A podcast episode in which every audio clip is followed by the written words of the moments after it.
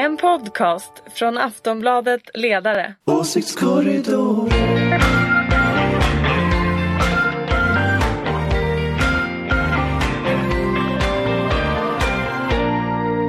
Här i Aftonbladets ledarpodd som heter Åsiktskorridoren diskuterar vi varje vecka det politiska läget och nu är det ju mer spännande än någonsin kanske här precis efter valet.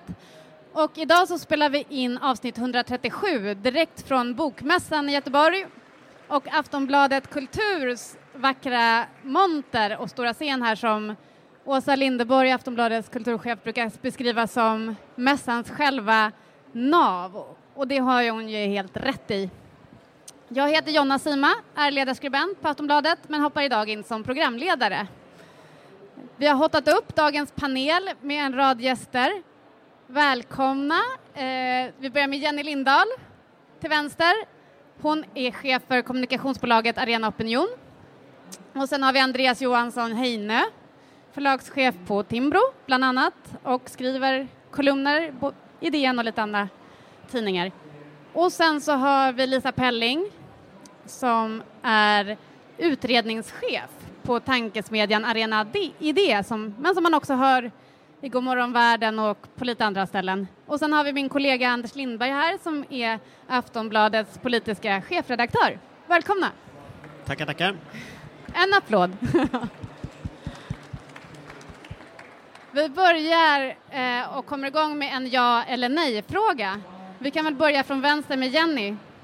Kommer Alliansen att finnas kvar efter att en ny regering har bildats? De kommer säga det, men nej. Andreas? Din eh, mikrofon verkar inte vara på. Du fick jag be- betänketid här. Ehm, nja. Njau. Lisa? Jag säger ja. Ja, jag säger ja också faktiskt. Lite hopplöst.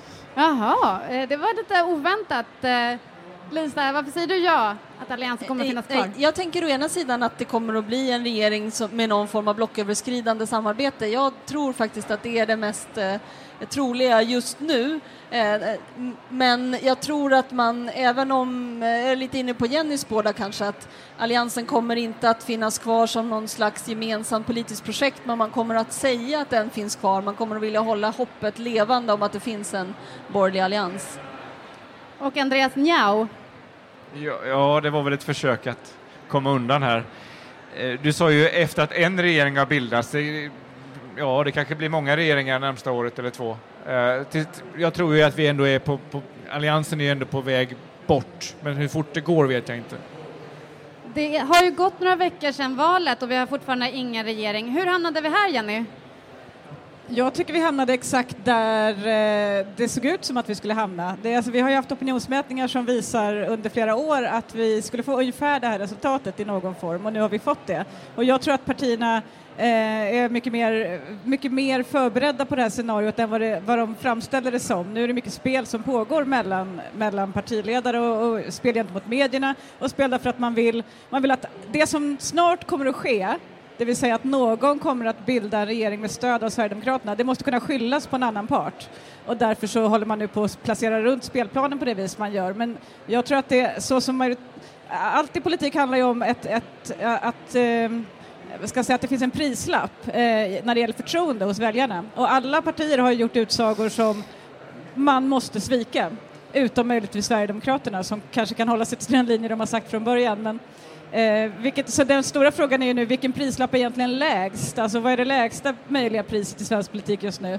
Och det kan man ju tänka olika om, men jag tänker att det lägsta priset som finns för Centern och Liberalerna, det är att eh, släppa igenom en MKD-regering. Då slipper de regera med stöd av SD och eh, de kan istället så att säga släppa fram en regering som ändå är deras så att säga egna vänner. En eh, MKD-regering alltså, tror du på det Anders? Nej, eh, alltså det finns någon slags blåbrunt regeringsunderlag på 60 procent som kommer vid någon tidpunkt att bilda regering, så tror jag att det är. Eh, men, men det är också så att Centern och Liberalerna, deras väljare tycker inte om att det är så. Eh, det är så här, stoppa världen, jag vill hoppa av. Eh, man vill inte att verkligheten ska se ut på det sätt den gör, men den gör det. Och det där har Kristdemokraterna, de kör stenhårt på det, halva Moderaterna kör stenhårt på det, Sverigedemokraterna kör stenhårt på det. Men jag tror inte att det här valet att det kommer att hålla. Eh, det är än så länge inte, det här blåbruna är än så länge inte liksom färdigt för att kunna bilda regering. Jag tror att vi kommer att se det i framtiden, på samma sätt som Norge och Danmark har vi sett det. Eh, men jag tror att det är för tidigt, så att jag tror att, eh, jag, jag, det är säkert rätt det här med att det, de är väl förberedda. Jag, fast jag skulle säga att jag är förvånad att de är så lite, att, det ser, att de ser så klantiga ut. Alltså det ser så fruktansvärt inkompetenta ut. Alltså när de, man frågar folk så här, frågor på stan till människor i Rapport och Aktuellt, då säger alla liksom lås in dem i ett rum och släng bort nyckeln tills de är klara. Och, och så tror inte jag partierna vill att det ska se ut. Så, jag, så att just nu skulle jag säga att ingen vinner eh, på att läget är som det är. Vad landar det då? Jag tror ju någonstans att Löfven är den som har bäst chans att bilda en regering. Av det enkla skälet att hans, de rödgröna är större än Alliansen och han redan sitter eh, där han sitter. Även om han är avsatt så sitter han ju kvar. Eh, och han kan sitta rätt länge utan att vara avsatt. Så jag tror ändå på Löfven fortfarande. Många människor tycker ju att det politiska läget just nu är förvirrande. Eh, och vad är det för nya konfliktlinjer vi har i svensk politik, eh, Andreas? Ryan Reynolds here from Mint Mobile. With the price of just about everything going up during inflation, we thought we'd bring our prices down. So to help us, we brought in a reverse auctioneer, which is apparently a thing. Mint Mobile unlimited premium wireless. Ready to get 30, 30, bit to get 30, bit to get 20, 20, 20, bit to get 20, 20, bit to get 15, 15, 15, 15 just 15 bucks a month. So, Give it a try at mintmobile.com/switch. slash $45 up front for 3 months plus taxes and fees. Promo rate for new customers for limited time. Unlimited more than 40 gigabytes per month slows. Full terms at mintmobile.com. Ja, till att börja med så är det ju eh, nya konfliktlinjer som gör sig gällande, som förklarar väldigt mycket av den här situationen. Det är, sen hur de ska etiketteras, det kan man ju hitta bättre och sämre ord för. Men, men eh, det är, är så att invandringsfrågan och det som hänger ihop med den har som slagit en kil genom partier, genom organisationer, eh, stora delar av det politiska offentliga Sverige där folk som brukade vara överens plötsligt står på varsin sida och hittar nya allierade på andra sidor och inte vet hur man ska navigera det här landskapet. Vi har nog inte kommit dit än att vi är överens kring en beskrivning av detta exakt. Jag, jag tror många här är trötta på den Galtan-etiketten som vissa har kört med. Eh, och, och det, den, är så, den är ett dåligt försök att ändå namnge någonting som det faktiskt finns. Vi har ju sett detta tidigare. Vi såg hur Europafrågan splittrade framförallt socialdemokratin men också delar av borgerligheten för 20-25 år sedan. Det läkte ihop. Eh, det här är någonting liknande, men tror jag också med ännu mer långtgående konsekvenser, där vi inte vet om det faktiskt kommer gå att hålla ihop på samma sätt längre. Lisa, gäller det både för högern och vänstern? Är det samma slags konfliktlinjer? Jag tänker att de här konfliktlinjerna smärtar Centerpartiet och Liberalerna mest just nu. Det är de som i, i precis det här läget är mest splittrade mellan att eh, vilja bilda en regering tillsammans med Moderaterna, Kristdemokraterna som får stöd av Sverigedemokraterna. Det skulle ju vara en högerregering där mycket av det som är högerpolitik i, i Liberalernas och Centerpartiets politiska program skulle kunna genomföras. Man är rätt enig när det gäller vinster i välfärden, man är enig när det gäller skattepolitiken, man är, är ehm, bedövande enig när det gäller arbetsmarknadspolitiken. Där är ju Centerpartiet snarare det parti som ligger längst åt det marknadsliberala hållet av alla de här partierna. Samtidigt står man ju väldigt långt ifrån Sverigedemokraterna, kanske längre från Sverigedemokraterna än Socialdemokraterna gör i många andra frågor, inte minst när det gäller frågor som har med migration att göra, när det gäller rätten till familjeåterförening, men det är inte alla frågor. Det handlar ju om en grundinställning till det öppna, liberala samhället, skydd för den fria kulturen, den fria åsiktsbildningen som ju åtminstone för Liberalerna är liksom själva själen i det partiet. Så att eh, Ja, de kan få igenom en eh, ekonomisk politik som de gillar, men det är förmodligen till priset av en politik på väldigt många andra områden som går precis på tvärs emot eh, deras själva eh, kärna. Så just nu är, är de, tror jag, mest plågade av den här nya konfliktlinjerna. Ja, det är intressant. Fast, ja, får jag lägga till bara att jag tror att, jag tror att på lång sikt så är Socialdemokraterna de som är mest splittrade. Eh, jag tror vi såg en försmak av det i somras, eller våras, när det här, alla det här olycksaliga eh, migrationsutspelet från eh, regeringen.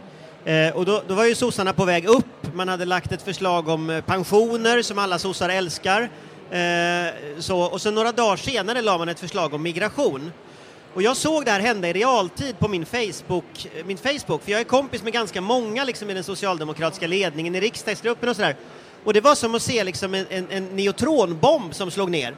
Alltså, strukturerna var kvar, husen var kvar, men alla människor var borta.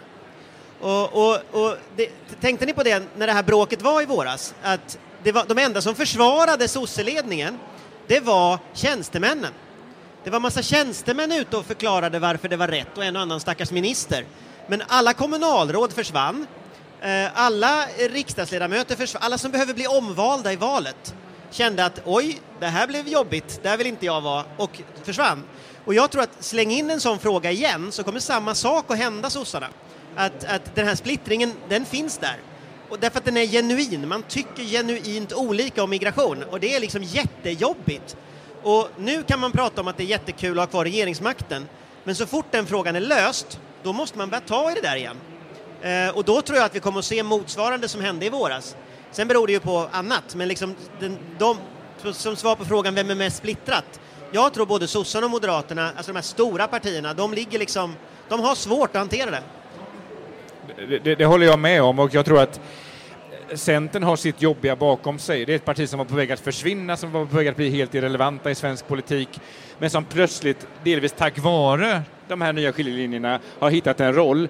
Det kommer vara en svekdebatt för alla partier som på något sätt tar ansvar och inte gör det efter när vi har en regering på plats. Det kommer göra ont, men det är inte den grundläggande frågan, vilka som bildar regering 2018-2019, utan den grundläggande frågan är vad man vill driva för linje, för politisk linje på 5-10 års sikt. Och där har Centern landat i vart de vill. Sen är det massa eh, fluffigheter och yvigheter och massa konkretion som behövs, men har ändå en idé.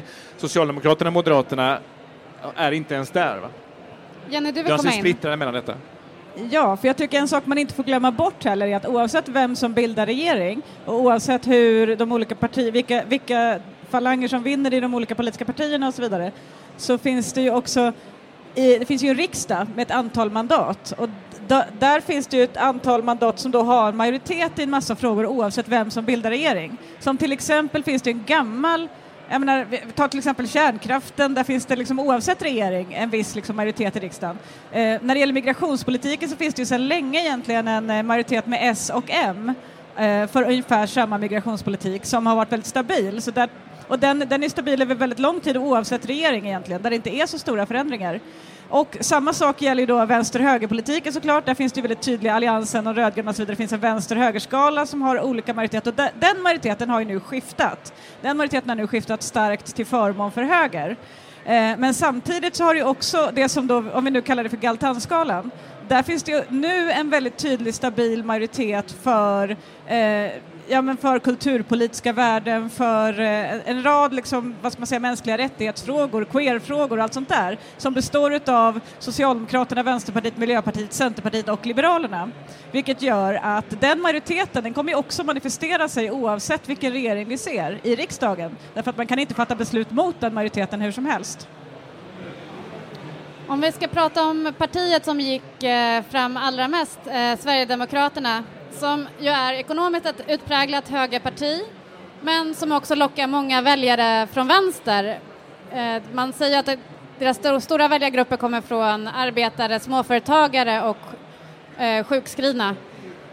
Lisa Pelling, du har ju skrivit om hur man ska knäcka SD-koden. Berätta. Det, det är ju ofta så när man står inför ett sånt här problem att människor använder sina favoritlösningar. Eh, det är lätt hänt att om man tror att den viktigaste konfliktlinjen som finns i samhället är den mellan mer omfördelning eller mer marknad, tänker att nu har det varit för mycket marknad och för lite omfördelning, det är därför SD har vuxit. Eller om man tycker att den viktigaste konfliktlinjen handlar om ett öppet Sverige eller ett Sverige som är väldigt restriktivt när det gäller migration, så kommer man börja argumentera för att man hamnat fel på den skalan. Och tyvärr är väl det som i alla frågor att det är mera komplext än, än så. Jag, jag tror att man måste, man måste tänka sig att det är åtminstone två liksom delförklaringar. För att vi har under en lång tid sett eh, en långsamt sjunka men ändå sjunkande främlingsfientlighet, lite oavsett hur man, hur man mäter den, men över de senaste årtiondena så har andelen människor som till exempel svarar på som institutet i Göteborg ställer varje år en fråga. Tycker, ni, tycker du att det är en bra idé att Sverige ska ta emot färre flyktingar? När man började mäta den 1990 så var det 60 procent som sa det är en bra idé att Sverige tar emot färre flyktingar. Sen sjunker den andelen fram till våren 2015 där det ligger på lite drygt 40 procent. Så den har gått upp efter hösten 2015 men ligger fortfarande lägre än den gjorde för 30 år sedan. Så det finns en sjunkande liksom, främlingsfientlighet. Hur kan man då förklara ja, att det finns ett det ökat stöd för ett främlingsfientligt parti? Jo, det har också med partiet som sådant att göra. Att det finns ett parti som mobiliserar de här åsikterna. Att det här partiet har lyckats få det, övertyga väljare om att oavsett vad man har för preferenser i andra frågor, oavsett vad man tycker kanske om jämställdhet, kärnkraft, oavsett vad man tycker i ekonomiska frågor, så ska man rösta enligt den preferensen som handlar om ens inställning i just invandringsfrågan. Och då kan man mobilisera mycket mer stöd än man kunde göra innan. Så det handlar om att den här frågan har blivit viktigare på dagordningen, att det finns ett parti som kan mobilisera. Och det handlar också om ett parti som då har en tillräckligt attraktiv fasad och ett tillräckligt effektiv mobilisering för att kunna använda sig av de här frågorna. Så det handlar både om, om, det handlar inte så mycket om värderingsförskjutningar som om mobilisering av värderingar som redan finns. Och värderingar är sticky, vad säger man på svenska? De, de klibbar sig fast, de tar lång tid att, att förändra. Så ska man eh, möta Sverigedemokraterna, knäcka SD-koden, så ja, på lång sikt måste man ha ett förnyat antirasistiskt arbete, jobba för att sprida värderingar som har med tolerans, öppenhet att göra. Men det kommer inte att räcka på kort sikt, utan på kort sikt måste man också så att säga, övertyga människor om att rösta enligt andra preferenser och tror jag lite krasst göra andra frågor viktigare än just kanske migrationsfrågan. Ja, men, eh, Anders, hur ser du på att de lockade så pass många LO-medlemmar eh, eh, i det här valet? Nej, det, det, var ju ungefär var fjärde LO-medlem eh, som man lockade från Sverigedemokraterna och det, det är ju fortfarande långt från Socialdemokraternas nivåer men, men i våras så var det ju många som var oroliga att eh, SD skulle bli större inom LO än, än Socialdemokraterna. Eh, det där tror jag LO hanterade ganska bra genom sin kampanj. Att eh, det man gjorde då konkret det var att man ringde och pratade med en väldigt stor andel, var fjärde medlem ungefär, eller mer än var fjärde medlem pratade man med eh, direkt och på det sättet liksom diskuterade vad var bra och dåligt, både plånboksfrågor men också värderingar. Och på det sättet så lyckades man ju få bort, få tillbaka eh, LO-medlemmar till Socialdemokraterna. Men det var ju, tror jag, ett traditionellt folkrörelsearbete som, som vi inte är så vana vid längre. Alltså, lite är det nog så i arbetarrörelsen att man skickar ut liksom cirkulär som man tycker att folk ska läsa upp eller man sätter upp dem på anslagstavlan i, i fikarummet. Men det här liksom idealet med samtal på arbetsplatser, samtal i studiecirklar, folkrörelsebyggande, det är inte, har man inte jobbat så mycket med. Tittar man på vad SD har gjort så har de faktiskt snott de här gamla folkrörelseteknikerna. De bygger en organisation runt om i landet med arbetarrörelsens gamla metoder. Eh, genom att vara närvarande i bostadsområden, och genom att vara närvarande på arbetsplatser, genom att synas eh, i, i lokalsamhället. Eh, och jag tror att ska man liksom vända den utvecklingen, jag tror att det har varit väldigt framgångsrikt, men för att vända den utvecklingen då måste arbetarrörelsen sluta vara elit. Man måste liksom vara där människor är, plocka upp frågor där människor är, finnas i fikarummen, finnas vid, vid, vid, eh, vid eh, liksom de samtalspunkter som finns hela, i hela landet i lokalsamhället. Och det där är ett ganska tungt, traditionellt folkrörelsearbete. Det som var så spännande nu tycker jag, LOs kampanj, när man tittar på hur den kampanjen var uppbyggd, det var att den var uppbyggd kring precis de här värdena. Och nu har både LO-ledningen och den socialdemokratiska ledningen fått ett kvitto på det fungerade. Så jag hoppas att man nu i valanalysen inte bara fastnar vid liksom att diskutera eh, fula valaffischer eller vem som sa fel i en tv-intervju, utan att man verkligen funderar på att ta tillbaka de här metoderna så att man inte kommer tillbaka om fyra år med en ny kampanj, utan att man liksom fortsätter hela, hela, hela mandatperioden att ringa, att vara närvarande. Eh, därför att kan man inte bryta det där folk-elit-logiken eh, så, så kommer man inte att vinna detta. Eh, då kommer den bara bli ännu starkare. Så det är liksom, det är inte ett enkelt recept och det är jättetungt att göra, men det funkar. Det har alltid funkat förut. Och det är lite pinsamt att e- SD snor metoder som arbetarrörelsen har lyckats med i hundra år. Eh, så att liksom, är, man får ju ta tillbaka dem. Jag läste i somras i Dagens Nyheter en text som du skrev, Andreas, om att SD har på egen hand punkterat blockpolitiken i vad som brukade vara världens mest stabila partisystem. Um, och du skrev också SD är ett snedsteg från att vinna direkt politiskt inflytande. Tror du att den tiden är kommen nu? Man är väl fortfarande ett snedsteg från att göra det, men det är ju inte så att det är någon naturlag att man ska ta det där snedsteget. Det går ju fortfarande att välja bort att ge den makten, men, men Sverigedemokraterna har på ganska kort tid gått från det helt otänkbara till att det är ett scenario vi diskuterar nu på allvar. Eh, och direkt politiskt inflytande kan man få på olika sätt såklart. Eh, men man ska komma ändå ihåg, den stora bilden är ju att det finns tio andra partier runt om i Europa som ligger väldigt nära SD i sin ideologi och världsbild som sitter i regeringar. Det är vad vi i olika EU-länder. Så det här är ju eh, inget konstigt i ett europeiskt perspektiv att det blir så. Det betyder inte att de där länderna automatiskt kantrar över totalt. Det finns ju en gradskala där och så eh, kring hur man gör detta. Men, men, men Sverigedemokraterna har eh, lyckats tror jag fortare än många trodde att komma så pass nära. Eh, Jenny, du nämnde ju tidigare också det här med kulturfrågor, att det kommer att bli viktigt. Eh, du har ju analyserat Sverigedemokraternas kulturpolitik just och sagt att den är partiets murbräcka för att förändra det svenska samhället i grunden. Varför är Sverigedemokraterna så intresserade av just eh, kulturpolitiken? Ja, men till skillnad, alla andra partier ser ju kulturpolitiken som någonting ganska oprioriterat, perifert som, eh, ja, som man ägnar sig åt lite grann och som, ja, men det är väl fint och bra med kultur och man ska värna kulturpolitiken men det är inte, det är inte en kärnfråga. Men för Sverigedemokraterna, de har ju de tolkar ju kulturpolitiken så som att det är verktyget för att skapa den här nationalistiska kulturen, den här nationalistiska svensken som de vill se. Eh, det, det är deras verktyg och därför är de också oerhört intresserade av kulturpolitik och sin egen kulturpolitik och eh, prioriterar den väldigt högt. Eh, det året som, som vi gjorde den här granskningen så nämndes ju kulturpolitiken flest av alla frågor i deras budgetmotion. Eh, hela det första kapitlet i budgetmotionen handlade om kulturpolitik. Inget annat parti skulle göra så. Det skulle vara helt bisarrt att komma med det i något annat parti, att liksom det bara handlar om kultur. Men för dem är det, det, alltså det, det är deras sätt att, att förändra Sverige och få, skapa den här svensken. Och det, det går igenom allt från att de vill styra upp friluftsdagar, att de vill förändra hur museerna ska se ut, att de vill eh, förändra hur, alltså de vill ha dialekt på schemat, vilket i och för sig kanske är kul, men ändå. Eh, de vill ha liksom, de, de vill förändra kulturinstitutionerna, de vill ha svensk repertoar på nationalscenerna och så vidare. Alltså, de är otroligt detaljerade och aktiva och engagerade i sin kulturpolitik. Och det gör ju också, eftersom ingen annan är det, det är där man blir rädd, för då tänker man de kommer att driva igenom den här och ingen kommer att stå och göra motstånd därför att ingen annan bryr sig riktigt. Jag, jag, jag, delar den analysen. Det här är alltså kulturpolitik och mediepolitik, det är en viktig frontlinje i deras stora kulturkrig. Och här tror jag vi underskattar brett ändå hur motiverade de är. Att, för det här är ett parti som vill förändra Sverige i grunden. Det här är ett revolutionärt parti i vissa avseenden. De vill ha ett radikalt annat samhälle. Det handlar inte bara om några fler miljoner hit och dit, utan det här ska göra skillnad. Och då är det mycket lättare att göra skillnad i kulturpolitik, mediepolitik som inte kostar någonting. Att få fram en kompromiss rent det är inte dyrt i pengar, va? men det kan...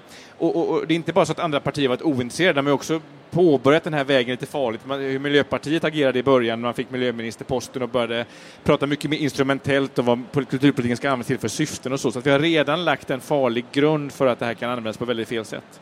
Och vi har sett att det, för andra partier i andra länder har detta också varit prioriterade frågor, att vi vet att det finns förebilder här. Och Moderaterna har väl pratat tidigare om att man skulle kanske kunna ge eller samarbeta med SD just på kulturområdet. Eh, har man varit naiva där? Jag, jag, tror att det generellt sett finns en naivitet när det gäller hanteringen av SD som att de enbart sysslar med eh, migrationsfrågan i betydelsen att bestämma vem som ska korsa den svenska gränsen. Och det är precis som Jenny säger och som Andreas antyder här, det handlar om att bygga den svenska nationen. En helt annat slags land än det som vi ser idag. Och det är ju en, en, så att säga, en främlingsfientlighet som är riktad inte mot människor där ute, långt borta, som, är, som man vill förhindra ska ta sig in, utan också en främlingsfientlighet som är riktad mot människor som bor här idag. Det, det är ju därför Björn Söder har så svårt att se att människor av judisk tro kan vara svenskar eller att samer skulle kunna vara svenskar. För att han vill inte ha den typen av land, utan han vill ha ett land som är liksom eh, rent eh, eh, som, en, som i, i, i, liksom i förlängningen. Och det är därför som kulturpolitiken är så oerhört central.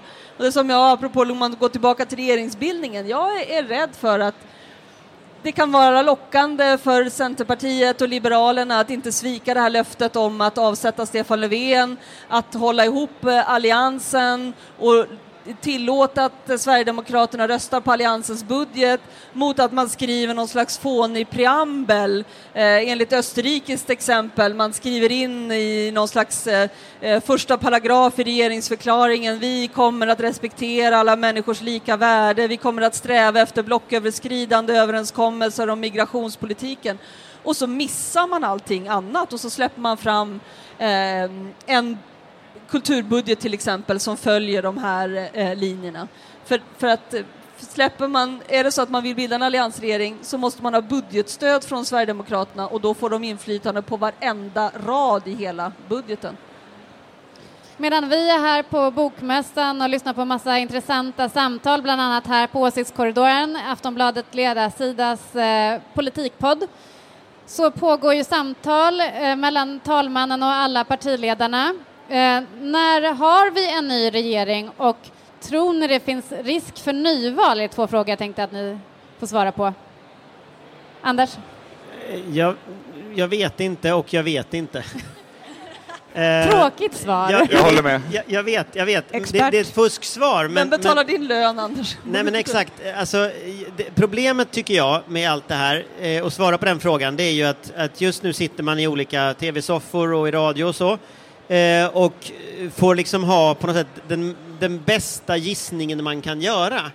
Eh, och, och, och, det är ju det man får göra, man får ju utgå från det man vet om vad partierna säger. Eh, problemet är när man lägger vad partierna säger, och jag, jag, pratar, jag pratar med folk i olika partier, jag liksom lyssnar, jag försöker förstå vad de säger, och så lägger man det vid sidan om varandra då kan man konstatera att det här pusslet är omöjligt. Det går inte att lägga. Det är som att ha ett, det är som att ha ett ett antal olika pussel man lägger på varandra. Ska man få ihop dem där får man slå ihop dem med en hammare liksom. Det går inte. Eh, och, och så min slutsats den är liksom att, att du måste komma till en punkt där krisen är så stor att människor är beredda att ge upp det som är minst viktigt. Och då är min fråga, liksom, den fundering jag har är, vad är liksom det där minst viktiga de kommer att ge upp? Jag tror att Socialdemokraterna aldrig någonsin kommer att bli stödparti till en alliansregering. Jag tror inte heller Moderaterna någonsin kommer att bli stödparti till en rödgrön regering. Det är ingen som har ställt den frågan, men, men eh, den är ungefär lika fjantig. Det kommer inte att hända. Så vi kan liksom strunta i den delen av det. Alltså måste du hitta någon lösning som inte blir nerröstad i kammaren, men som inte bygger på det önsketänkandet. Och då tror jag att du, du jag hatar mittenregeringar. Jag är inte särskilt förtjust i Centerpartiet. Jag har en gång skrivit en artikel och sagt att Annie Lööf är till höger om Genghis khan. Eh, förra gången jag faktiskt träffade Annie Lööf sträckte hon fram handen så sa hon Genghis khan, skaka hand. Hon har humor. Eh, hon har humor, eh, men hon har också en politik som jag inte håller med om. Trots detta så ser jag att det finns nog inga andra lösningar än att bygga någon form av mittenalternativ. Hur skulle ett sånt se ut då? Ingen aning. Men jag tror att det på något sätt måste innehålla socialdemokrater, liberaler, kanske miljöpartister, kanske centerpartister, men någonstans i, den, i det klustret så måste man bilda antingen sitta i regeringen eller ha ett budgetsamarbete i riksdagen. Så där tror jag liksom är det mest sannolika just nu. Eller det alternativ ni sa, att liksom borgerligheten faktiskt utnyttjar sin liksom, den här brunblåa röran i någon mening och att det faktiskt eh, då skulle kunna bilda en regering ur den. Det som talar mot det, det är ju att i sådana fall så tror inte jag att Centern och Liberalerna finns 2022. Eh, jag tror att den typen av frågor är sådana som ritar om partilandskap.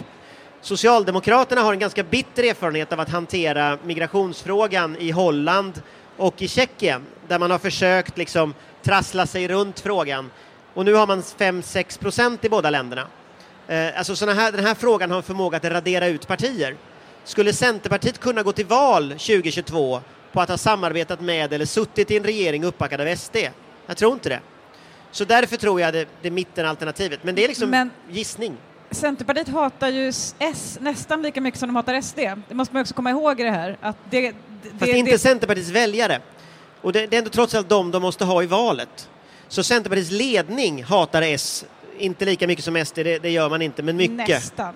Men, men, men det är klart att de väljarna ska på fyra år lära sig tycka... Alltså, för Tänk på att det är inte ett beslut nu som man, ska komma, som man ska glömma bort efter fyra år. Det är beslut varje månad man kommer att fatta där SD kommer att bli gladare och gladare och gladare under fyra års tid. Och det ska Centerpartisterna tugga i sig i fyra år, det tror inte jag. De kan också vara en opposition i en massa andra, till exempel kulturpolitiska frågor och migrationspolitiska frågor. och så att säga skapa sig en, och bli ännu starkare, tror jag. Jag, jag tror att vi har ett lite neurotiskt förhållningssätt till själva regeringsbildningen i form och för vi glömmer så lätt bort att detta trots allt handlar om innehållet i politiken. Att det, vi kommer inte få en regering som inte också säger någonting om vad den ska genomföra. Svekdebatten är oundviklig, det är jag med på, åt olika håll. Men den kan ju delvis hanteras initialt genom att man säger att och grundstenarna för den här regeringen som vi nu bildar, om det nu är en mittenregering inte, det är följande tre, fyra stora reformer. Kan mittenpartier visa upp att vi får Socialdemokraterna att gå med på en rejäl skattereform, det kommer innebära mer sänkta skatter än vad vi kunde göra under Reinfeldt 2.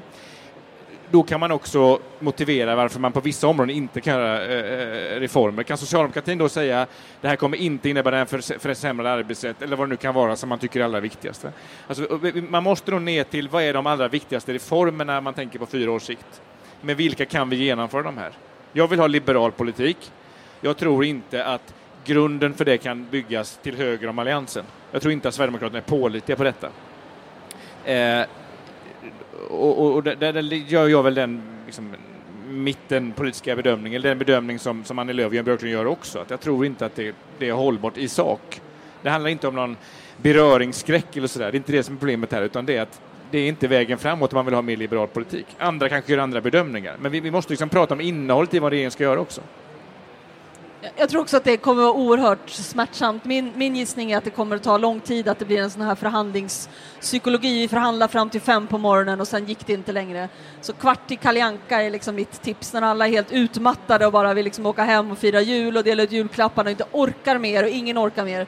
Då kommer man att slita plåstret och så kommer man att lansera en regering och den kommer precis, jag håller med dig Andreas, den kommer att vara vi har kommit överens om de här viktiga sakerna som vi gör för Sverige och det kan vi trots allt enas om och det är viktigt att de blir gjorda.